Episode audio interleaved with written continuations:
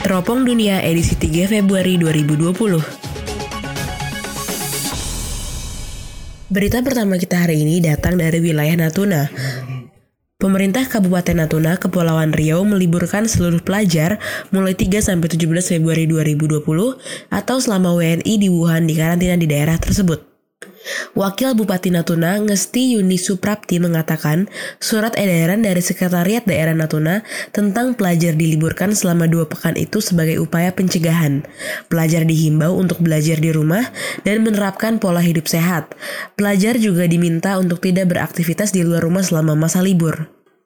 Ngesti menegaskan sikap Pemkap Natuna yang menolak WNI di Wuhan di karantina atau diisolasi di Natuna apalagi jarak antara barak militer di Natuna tempat WNI asal Wuhan diisolasi itu dekat dengan perumahan warga, hanya berjarak 2 km.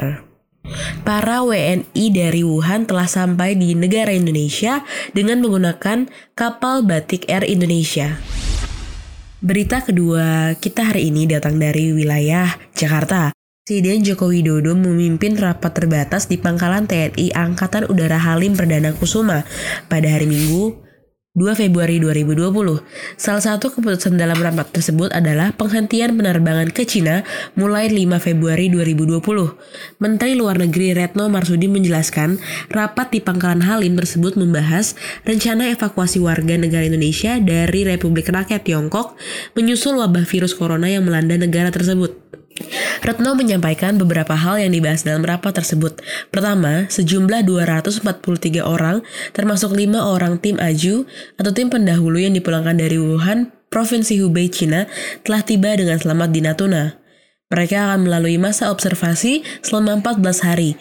Masa observasi ini juga akan dilakukan oleh 42 tim penjemput WNI dari Wuhan, sehingga total orang yang akan menjalankan observasi adalah 285. Sampai saat ini, Untungnya belum ada yang terdeteksi positif virus corona. Kedua, Retno mengatakan bahwa Menteri Kesehatan bersama dengan tim akan membuka kantor di Natuna.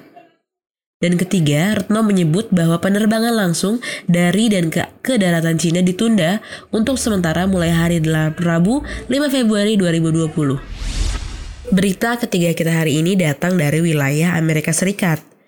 Museum umumnya memamerkan barang atau benda-benda bersejarah, namun beberapa tahun terakhir banyak bermunculan museum dengan konsep yang lebih modern dan jauh dari kesan membosankan. Begitu juga dengan museum unik yang menarik akan dibuka di Amerika Serikat ini, Museum Makeup atau Makeup Museum didirikan untuk mengenang sejarah makeup dan industri kecantikan dunia. Museum yang berlokasi di Manhattan, New York, Amerika Serikat, rencananya akan dibuka pada Mei 2020. Di dalam museum ini nantinya terdapat beberapa koleksi makeup dari zaman ke zaman, seperti makeup yang sedang tren tahun 1950-an di Amerika Serikat, ikon kecantikan, industri kecantikan, hingga peninggalan benda bersejarah lainnya.